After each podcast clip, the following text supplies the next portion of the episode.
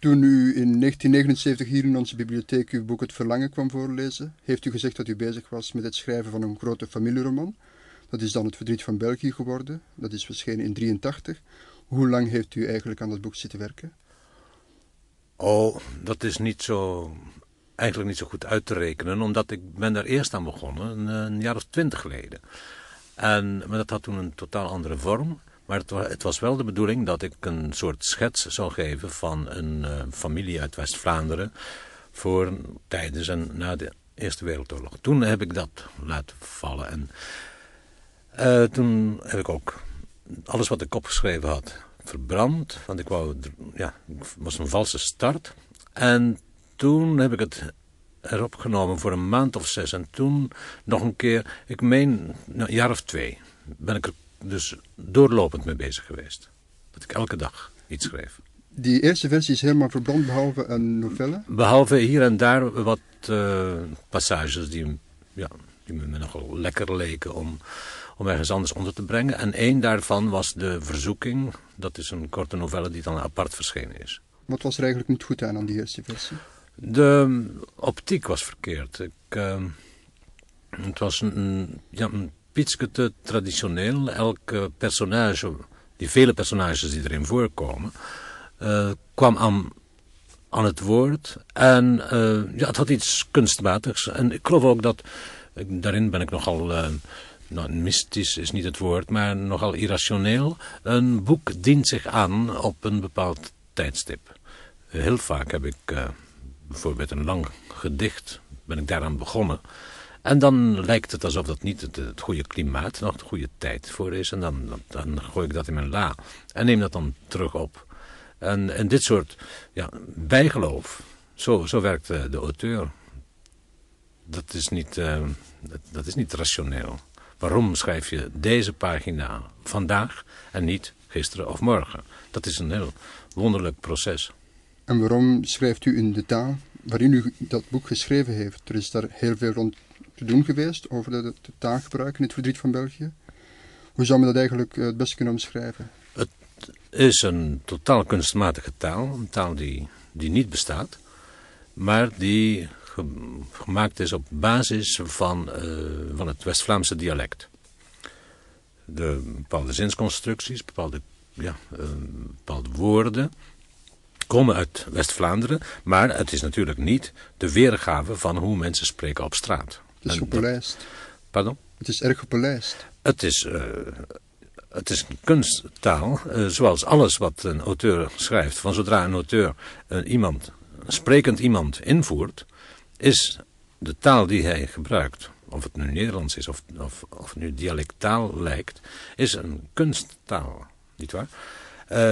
Want het is, niet, ja, het is helemaal niet te doen om de manier waarop mensen spreken letterlijk weer te geven. Want daarvoor zou je, om te beginnen, zou je het fonetisch moeten schrijven. Maar dan mis je nog alles, want sommige mensen hebben een keelklank en sommige mensen hebben uh, een neusstem. Uh, dat alles draagt bij tot het fenomeen taal. Dus dat weergeven is toch onmogelijk. En het is overigens ook niet wenselijk. Een boek, dus ook de taal die daarin gehanteerd wordt, moet niet zijn de reproductie van de natuur, maar een autonoom werk waarin de natuur gebruikt wordt, vervormd.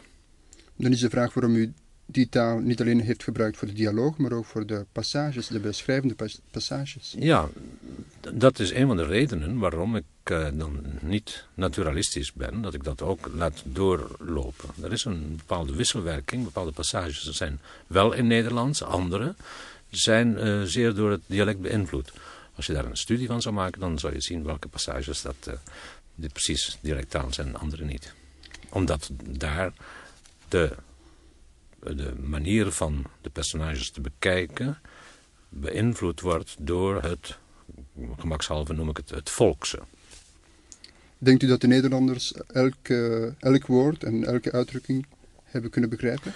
Wel, uh, ik, heb een, ik heb iemand bij mijn uitgever, de bezige bij, die um, daar ongeveer twee maanden op gewerkt heeft om uiterst zorgvuldig de woorden die totaal onbegrijpelijk waren voor een Nederlander, om die ofwel te vervangen of te veranderen in, in, ofwel te, te handhaven.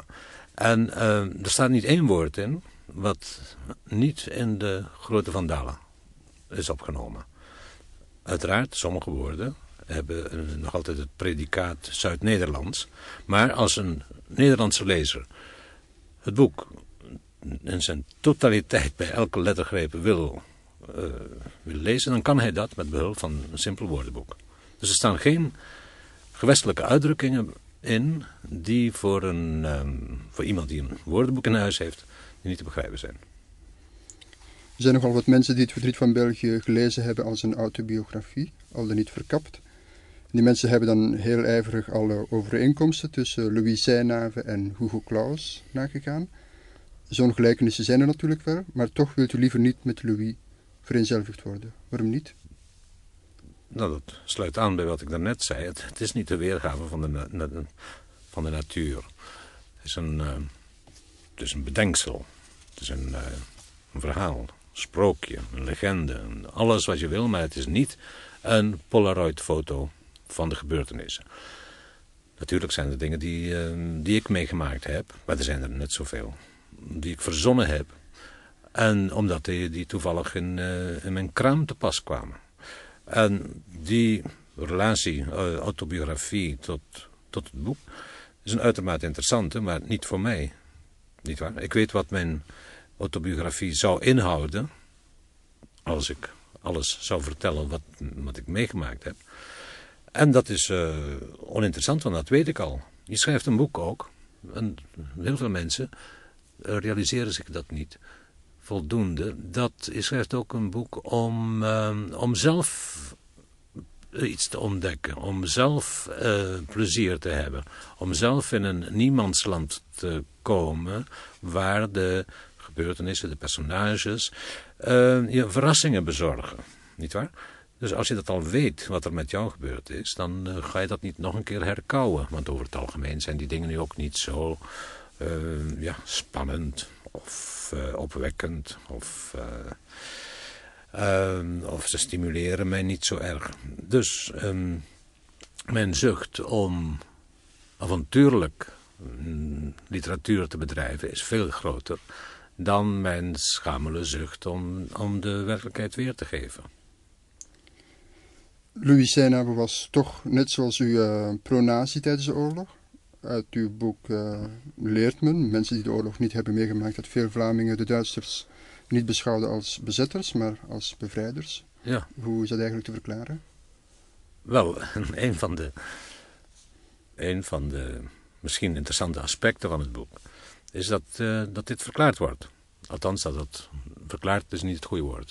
dat het opgeroepen wordt omdat de, zeker in uh, Oost-Vlaanderen, West-Vlaanderen, waar het uh, katholicisme vrij nauw verbonden is met uh, de zucht om Vlaanderen, dat mythische iets wat in de middeleeuwen hoogtij vierde, om dat weer tot herstel te brengen. Kan men zeggen dat de houding van de Seinavers tegenover de Duitsers representatief was voor de houding van de gemiddelde Vlaming? Voor zover ik me dat kan herinneren. Uh, maar dat komt natuurlijk omdat ik in dat milieu uh, opgegroeid ben.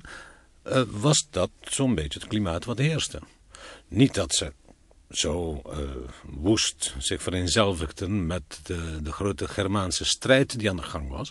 Maar er was een combinatie van ehm, typisch kleinburgerlijk Belgisch uh, kruideniersmentaliteitje. Uh, wat, uh, wat dacht, goed, we, overleven dit wel als we onze kop niet uitsteken. Aan de andere kant was er, was er wel een, een, ja, neiging om die bezetting niet zo serieus te nemen zoals bijvoorbeeld de Hollanders dat deden. Niet waar? het verzet wat in, in Holland gebeurde was aanzienlijk groter. Omdat uh, vanwege de Calvinistische instelling. In, in Holland is een gegeven woord, betekent iets. Uh, een, uh, een bepaalde ethiek, een bepaalde, een bepaalde trouw, een bepaalde vaderlandsliefde... is heel nauw verweven met, met, het, met het embleem van Nederland als, als staat. Wij hebben geen staat, althans Dat, dat is een, een zonderling iets wat in elkaar geflanst is in 1830. Maar niemand voelt zich Belg, nietwaar? Dus dan was het vrij van makkelijker voor de Vlamingen dan voor de Nederlanders om zich los te maken van dat begrip Belgische staat. En was er ook erg weinig verzet in Vlaanderen, alleen in Wallonië? Uh, voornamelijk was dat in Wallonië, ja. Er is natuurlijk wel verzet geweest, maar niet op, een, niet op zo'n schaal dat, uh, dat je de, de middellaag van de bevolking bereikte. U zegt ergens in uw boek de opoffering van weinigen en de schande van velen. Is dat dan de, het verdriet van België? Ach, ik weet niet. Uh, dat is een beetje uit de context gelicht.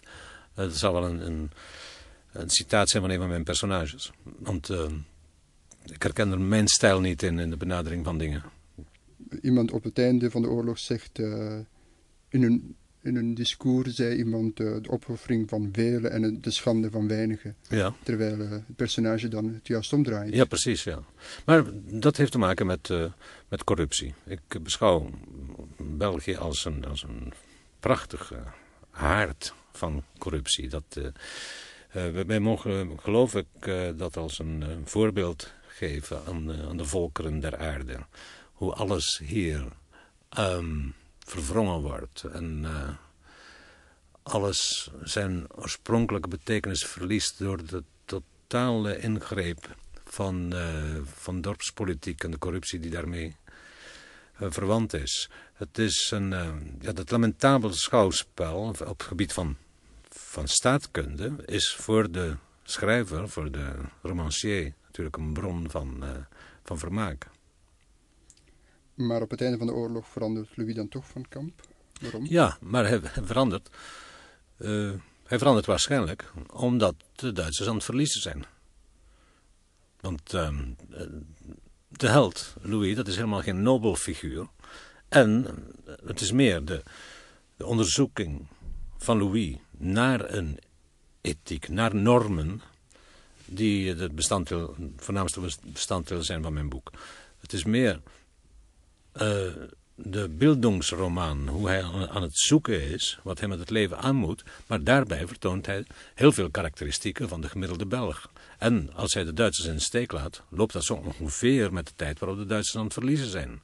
Natuurlijk zijn er, zijn er ook andere elementen als hij opgroeit dus dat hij ietsje ja, verstandiger is niet het woord, maar iets uh, duidelijker om zich heen, uh, om zich heen kan kijken en, en, analyseren. Dat gaat natuurlijk, loopt gelijk op met een analyse van, van, het, uh, van het nazisme of van, het, van de Vlaamse bekrompenheid, waardoor hij bijna verplicht is om van standpunt te verwisselen. Dat hij dus niet zijn vader volgt. En dan na de bevrijding moet iedereen, Louis ook, uh, opnieuw Belgisch gaan beginnen denken.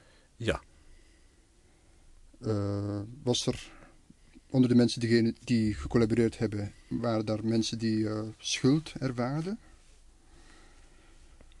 Oh, dat, goed, dat kun je niet in percentages uitdrukken.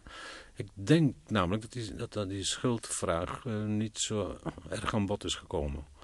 Als je ziet hoe vrij snel na de bevrijding bijvoorbeeld er publicaties waren omtrent de zwarten, omtrent de gevangenen die toen, die toen op hun beurt in Breendonk en in andere gevangenissen, Belgische gevangenissen terechtkwamen. Hoe, hoe zich toch een, dat klimaat gehandhaafd heeft van oude jongens onder elkaar van tijdens de oorlog. Wat in Nederland ondenkbaar was. Ik neem nu Nederland als voorbeeld om het misschien beter te illustreren. En ik herinner me dat een van mijn uitgevers, Geert Lubberhuizen, die kwam zo rond 1950 kwam hij mij bezoeken. In, ik woonde toen in Oostende. En ik nam hem mee voor de grap naar een café waar het vol met oude Oostfronters, Oostfronters zat. En, uh, en de jukebox uh, was alleen maar und hier varen tegen Engeland te horen. En toen werd hij zo kwaad dat hij, uh, dat hij daar de, de plaat, want het was nog zo'n jukebox waar je bij de platen kon, pakte en wou breken. Nou goed, ik heb hem daarvoor lynchen gered. Want we kenden die mensen een beetje. Maar ze hadden hem gewoon kapot gemaakt. Begrijp je? Hij kon het ook niet begrijpen. dat vlak na de oorlog, of ja goed, vier jaar na de oorlog, dat men nog altijd in die, in die sfeer leefde. Die sfeer van de oorlog is inderdaad uh, heel duidelijk terug te vinden in het verdriet van België, maar toch is de oorlog als historische gebeurtenis geen echt wezenlijk onderdeel in uw boek. Nee, het is, uh, de camera is gericht op uh, de, die typische kleine middenstandsfamilie en, en wat er daaromheen gebeurt. En ja, om te beginnen om de oorlog reëel op te roepen. Zelfs Tolstoy is er niet in geslaagd om, om de meeste facetten van een oorlog op te roepen. Bij mij moet dat, omdat ik, nogmaals, omdat ik mijn belangstelling gericht heb op die ene familie, moet noodzakelijkerwijs de oorlog de achtergrond vormen. En het gebrek aan reële interesse, het gebrek aan wisselwerking tussen het oorlogsgebeuren en het dagelijks gebeuren van die familie, dat is precies een van de, van de, uh, van de elementen. Dat, dat, die vraagt je af, maar uh, weten die mensen dan niet aan wat ze bezig zijn? Weten ze dan niet dat er, dat er kampen zijn, dat, er, uh, dat, dat hele nazisme een, een horreur was? Antwoord, lees in het boek hoe men daarop reageert. Niet in nachtmerries?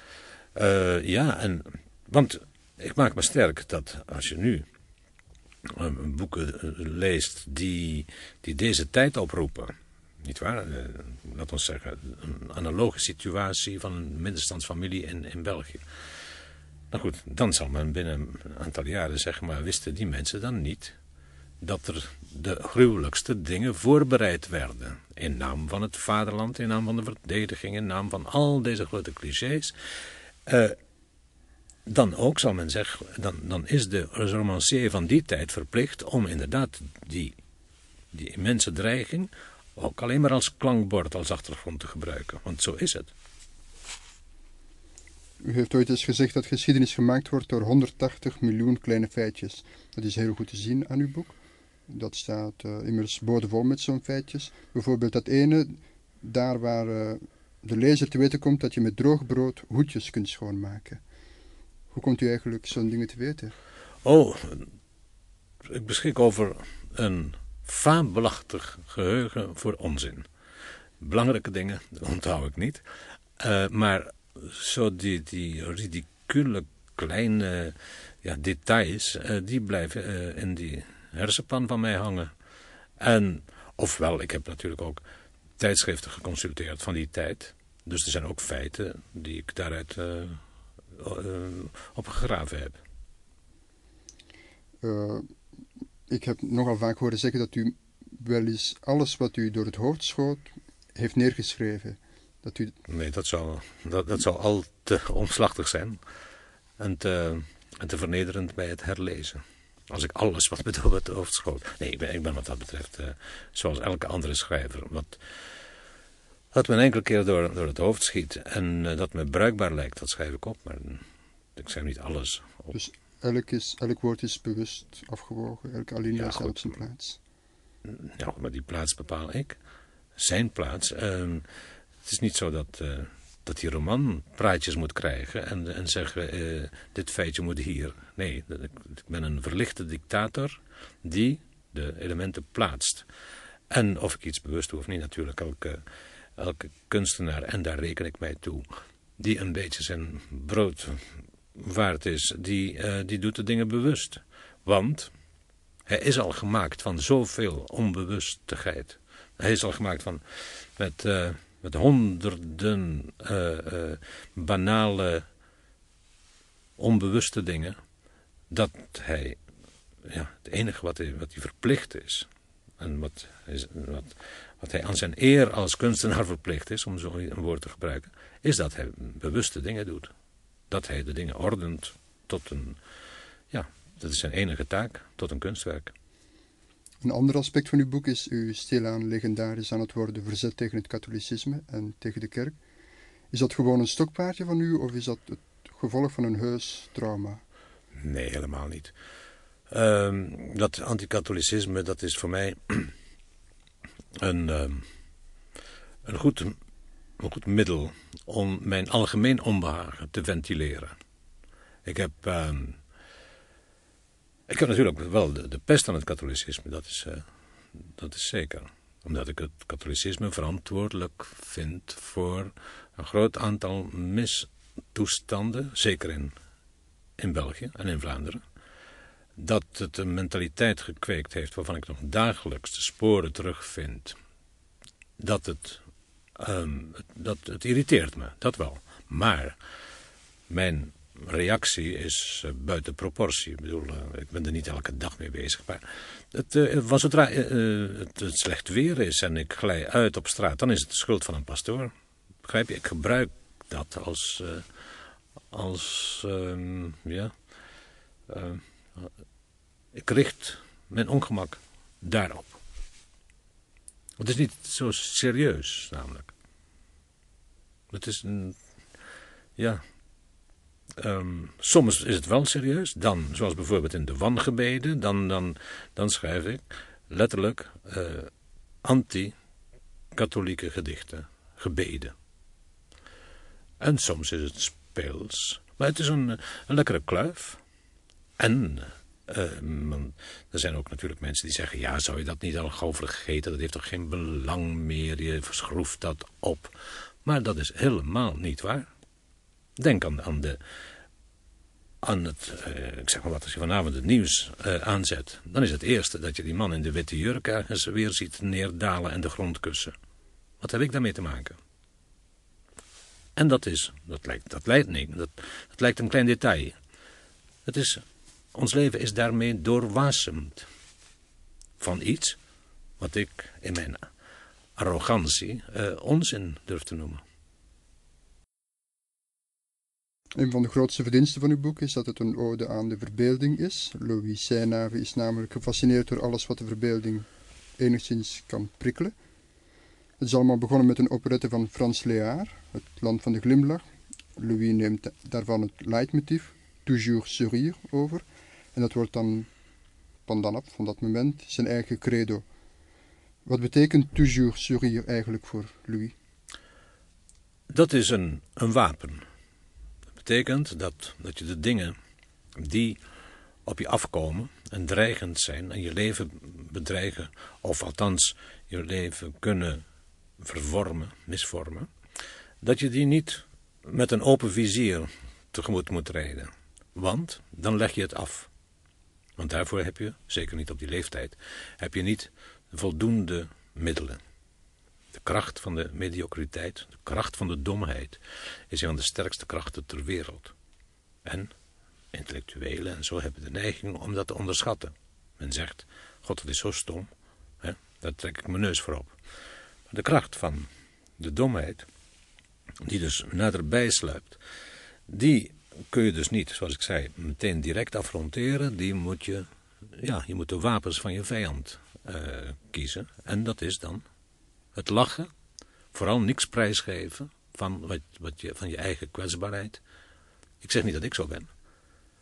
Ik zeg dat dit het, uh, het hanteren van, van dat begrip is van Louis Seynave. Want ik kan niet zo zijn, omdat als ik zo zou zijn, dan zou ik, dan zou ik een, uh, een zeer geslaagde textielmagnaat zijn in het Kortrijkse en niet een schrijver. Want ik moet het wel hebben van mijn kwetsbaarheid.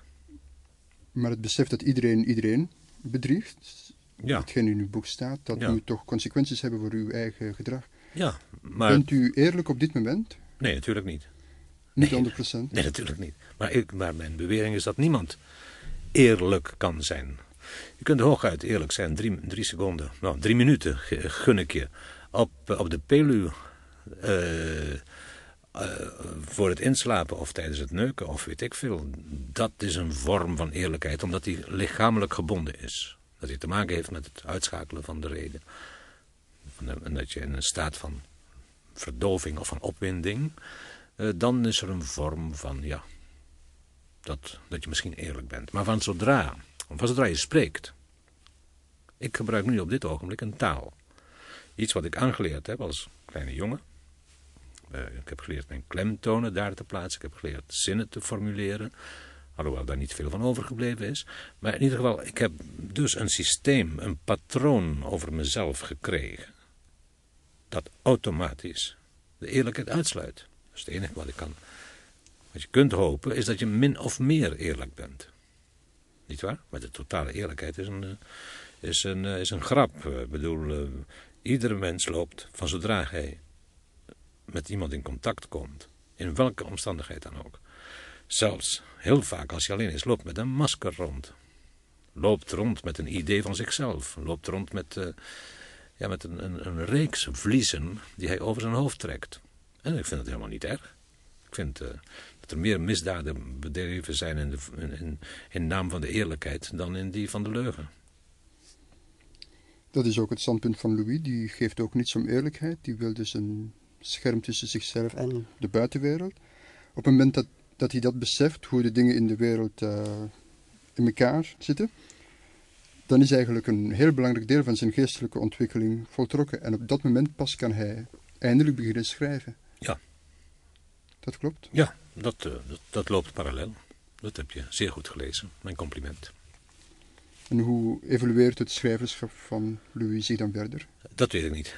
In het boek? Oh, in het boek. Oh, het, kijk, in het boek is een totale eh, inconsequentie, want er wordt het eerste gedeelte van het, van het boek wordt geacht te zijn het boek wat Louis zou geschreven hebben. Niet waar? Dat, het hele eerste gedeelte. Maar dat kan natuurlijk niet. Maar dat is een van de conventies die ik wil handhaven. Dus realistisch is het helemaal twijfelachtig of die jongen van, van, van 15 of 16 het, het vermogen heeft om, om zo'n zo'n boek te schrijven. Het feit dat Louis alleen maar in gedachten van zijn moeder houdt en dat hij dat nooit zal uiten, is dat ook een gevolg van die levenshouding toujours sourire? Ja. Oh, hij, hij uit zich voldoende, geloof ik. Die liefde tot zijn moeder, die, eh, die raakt hij toch wel af en toe um, die raakt hij kwijt aan haar. Um, maar kijk, de, de, schending van de persoonlijkheid die dat verblijvende kostschool betekent. En daar is eigenlijk de, de, de terreurorganisatie uh, aan het werk.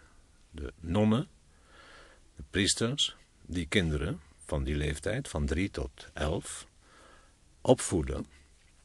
Uh, dat uh, doe je niet ongestraft. Dat nu zou je kunnen repliceren. Um, elke opvoeding heeft dat uh, kwalijk karakter. Maar voornamelijk een, een, een, katholieke opvoeding uit die jaren is gekenmerkt door, um, door een ja, totale overgave aan de hypocrisie. Aan het zich verbergen, aan de schaamte, aan, de, het zondebesef. En dat uh, uh, dat is fnuikend voor een uh, ontwikkelend levensgevoel. De twee wezens waarmee Louis zich heel nauw verbonden had kunnen voelen, Maurice en Vliegen, die sterven beiden. Hoe komt het dat Louis zich nauwelijks bewust is van hun affectiviteit? Oh, ik vraag me af of dat, uh, of dat niet is dat hij, hij is zich waarschijnlijk dat zeer goed bewust. Maar laat het niet toe, want het is dezelfde reflex. Hè? Het is dat je, dat je net zozeer als je je eigen kwetsbaarheid verbergt, zo wantrouw je ook de uitingen van kwetsbaarheid van een ander. En dat, uh, uh, en dat, niet alleen wantrouw je dat, maar je gaat het ook van je afzetten. Het is een, daarom is het een beetje mijn bedoeling geweest om dat isolatieproces van die opvoeding te, te laten zien. Hoe, hoe je gedwongen wordt binnen een, een, een, een, grote, grote eenzaamheid, waarbij elke poging tot, uh, tot het bereiken van de anderen uh, onmogelijk gemaakt wordt. Door jezelf en door de anderen. Want affecties kunnen je innerlijke eenheid uh, en evenwicht Ja, en af, als jij affectie betoont voor iemand, dan heeft die andere een greep op je. Niet waar? Dus, het proces van Louis later, als, als er een uh, vervolg zou opgeschreven worden, zou moeten zijn van zich daarvan los te maken. En in tegendeel, zijn, zijn kwetsbaarheid voorop te stellen. Met alle gevolgen daarvan. Hij zal toch in de seksualiteit ingewijd worden, Louis, door zijn tante Nora. Dat is een heel uitgesponnen scène geworden. Heeft u een idee hoe lang die scène duurt als ze wordt voorgelezen? Hoeveel minuten?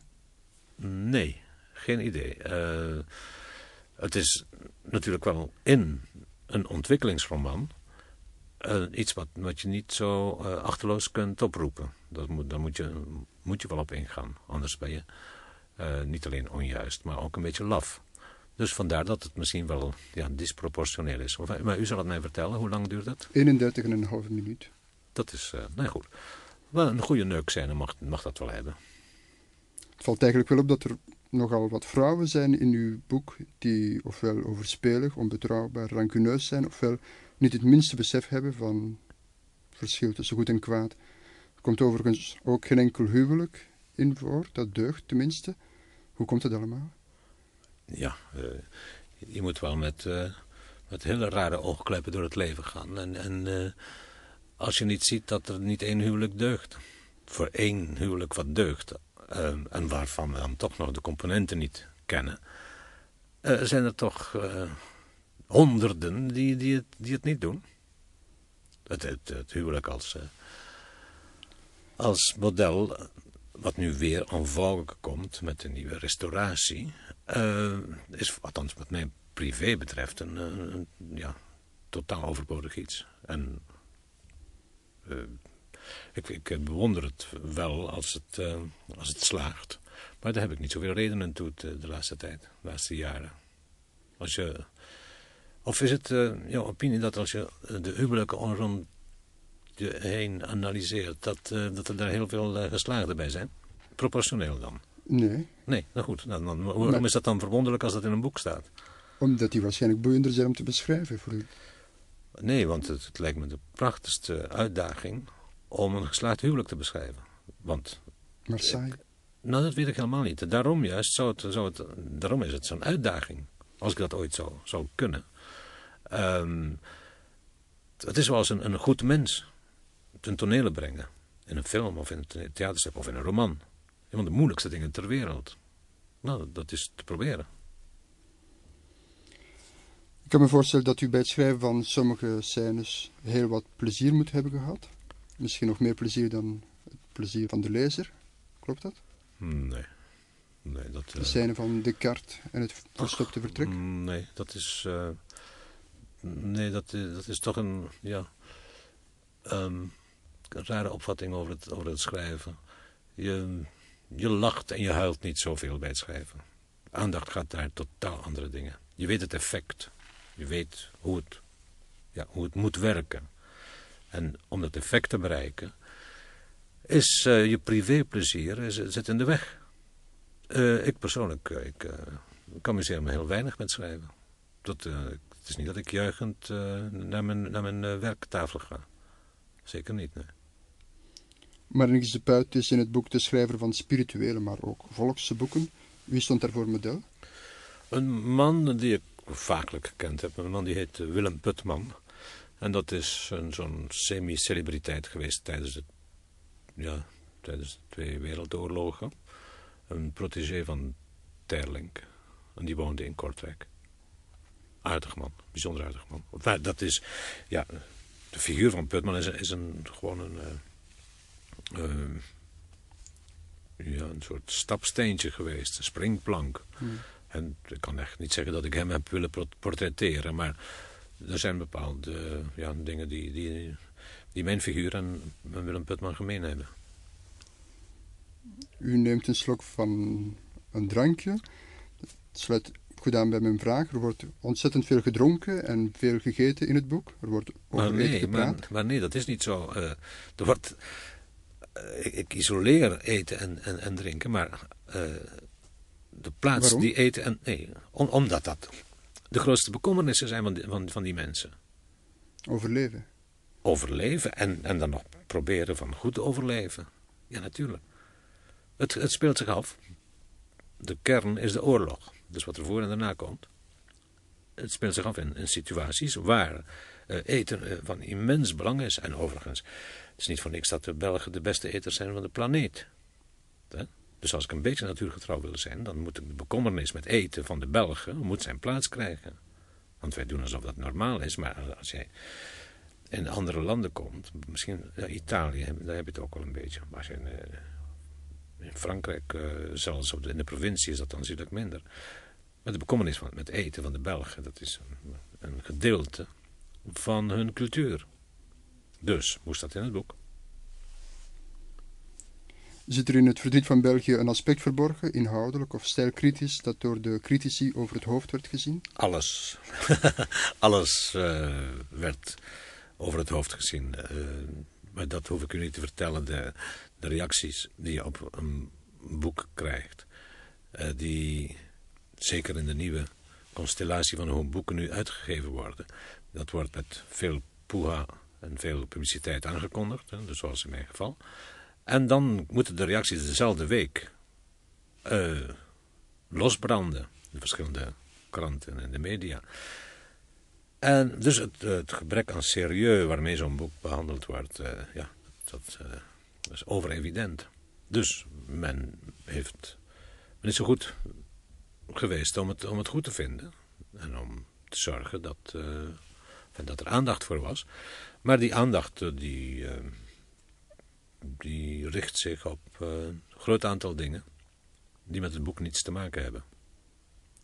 Dus wat dat betreft blijf ik op mijn honger. Maar dat, daar ben ik mee verzoend al, al sinds twintig jaar. Maar als we vijf jaar verder zijn, dan zal hopelijk het wezenlijke uit uw boek wel gepuurd zijn. Ver, vergeet het. Nee, dat zal men niet doen. Dat moet gênant zijn voor u. Nee, dat, dat, ik ben daarmee verzoend ik, ik weet dat als ik een toneelstuk breng, als ik een gedichtenboek publiceer, een roman, eh, dat daar uh, wel aandacht aan gegeven wordt, maar bijna meer als een sociaal fenomeen. Het heeft met, met de, de, de, entiteit van het boek als zodanig niets te maken. Kijk, uh, ik citeer maar één ding. dat, um, de gedichtenbundel. Almanak, waar er dus 366 gedichten in staan. Dacht je dat, het is nu drie jaar geleden gepubliceerd, of twee jaar dacht je dat er één serieuze reactie op gekomen was. Van niemand, gewoon niets. Twee of drie flutterige krantenartikeltjes waarin uh, voornamelijk over de titel gesproken werd en over het omslag. Goed, dat vertegenwoordigt het werk van, dat we zeggen, de laatste zeven, acht jaar. Als echo, als reactie, is dat niet heel. Maar ik, uh, ik, zit hier niet om te zeuren. Ik uh, beklaag me er ook niet over. Maar het is maar als je, als je zegt, zijn er aspecten die hun ontgaan zijn, dan zeg ik, eh, alles ontgaat hen. Weinig erkenning blijkbaar, maar voor het verdriet van België heeft u toch de driejaarlijkse staatsprijs voor het proza gekregen. Wat ik wel nogal arrogant vond aan de juryleden, dat was dat zij hun prijs vooral toegekend hebben voor het eerste deel van het boek, alsof die twee delen te scheiden zijn. Ja, maar dat is, uh, dat is die die blaaskakerij van iemand die, die daar in, in, in eh, de jury gedropt wordt om alles behalve uh, serieuze redenen. Die, die mensen die daar samenkomen en die, en die, dat, die de aankondiging van die prijs met zo'n motivatie uh, laten vergezellen, dat, uh, dat is gewoon een typisch voorbeeld. Het verbaast me helemaal niet. Ze willen ook iets in de pap te brokken hebben. Ze willen ook hun mening. Mm. En dus de meest elementaire beschaving de meest, de meest simpele hoffelijkheid. Die erin bestaat van een prijs toe te kennen. Zelfs al ben je als jurylid misschien niet helemaal eens. Maar dat je toch zegt, nou goed, uh, dat, uh, dat moeten we bekronen. Nee, daar moet weer dat, dat schoolmeesterachtige, dat, dat benepen, jaloerserige ja, toontje aangegeven worden. Maar ze kunnen de pot op. Om af te sluiten, u heeft ergens gezegd dat u geen zin meer heeft om over Vlaamse mensen en Vlaamse situaties te schrijven. En dat u nu maar eens over heel rijke mensen aan de Riviera zal schrijven. Was dat een butade of zat er werkelijk Ach, dat, uh, zoiets te wachten? Dat zijn, ja... Uh, wat ik vertel, dat is zo bepaald door het moment en door uh, hoe mijn muts staat. En dat, dat de scheiding tussen serieus en boutade soms heel minim is. En, maar ik heb geprobeerd van nu zo precies mogelijk te antwoorden. Dank u wel. Okay. Ik ga u... Ja? Wat ga je? Buitenloodsen zeker? Ja, als je wil. Goed.